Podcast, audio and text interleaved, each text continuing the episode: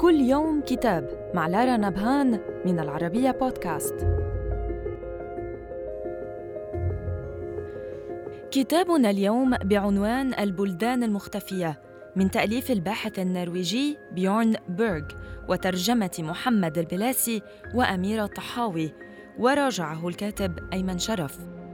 يمثل الكتاب نوعاً مختلفاً من كتب التاريخ بسبب موضوعه الفريد وغير المألوف وفيه يشير مؤلفه إلى العديد من المواصفات والمحددات التي يمكن حال توفرها في كيان جغرافي ما أن تجعل منه دولة.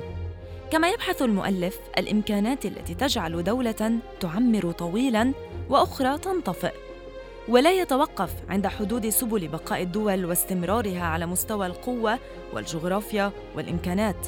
بل يبحث في محددات أخرى بعيدا عن أسباب قدرتها على البقاء حيث يظل السؤال عن جودة الحياة التي توفرها لأفراد شعبها ومدى استعدادها لإسعادهم.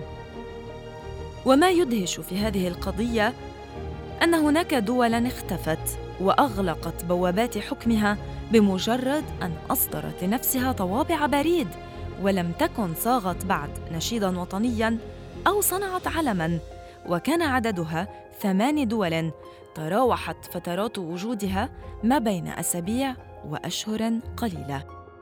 صدر الكتاب عن دار الترجمان للطبع والنشر وإلى اللقاء مع كتاب جديد.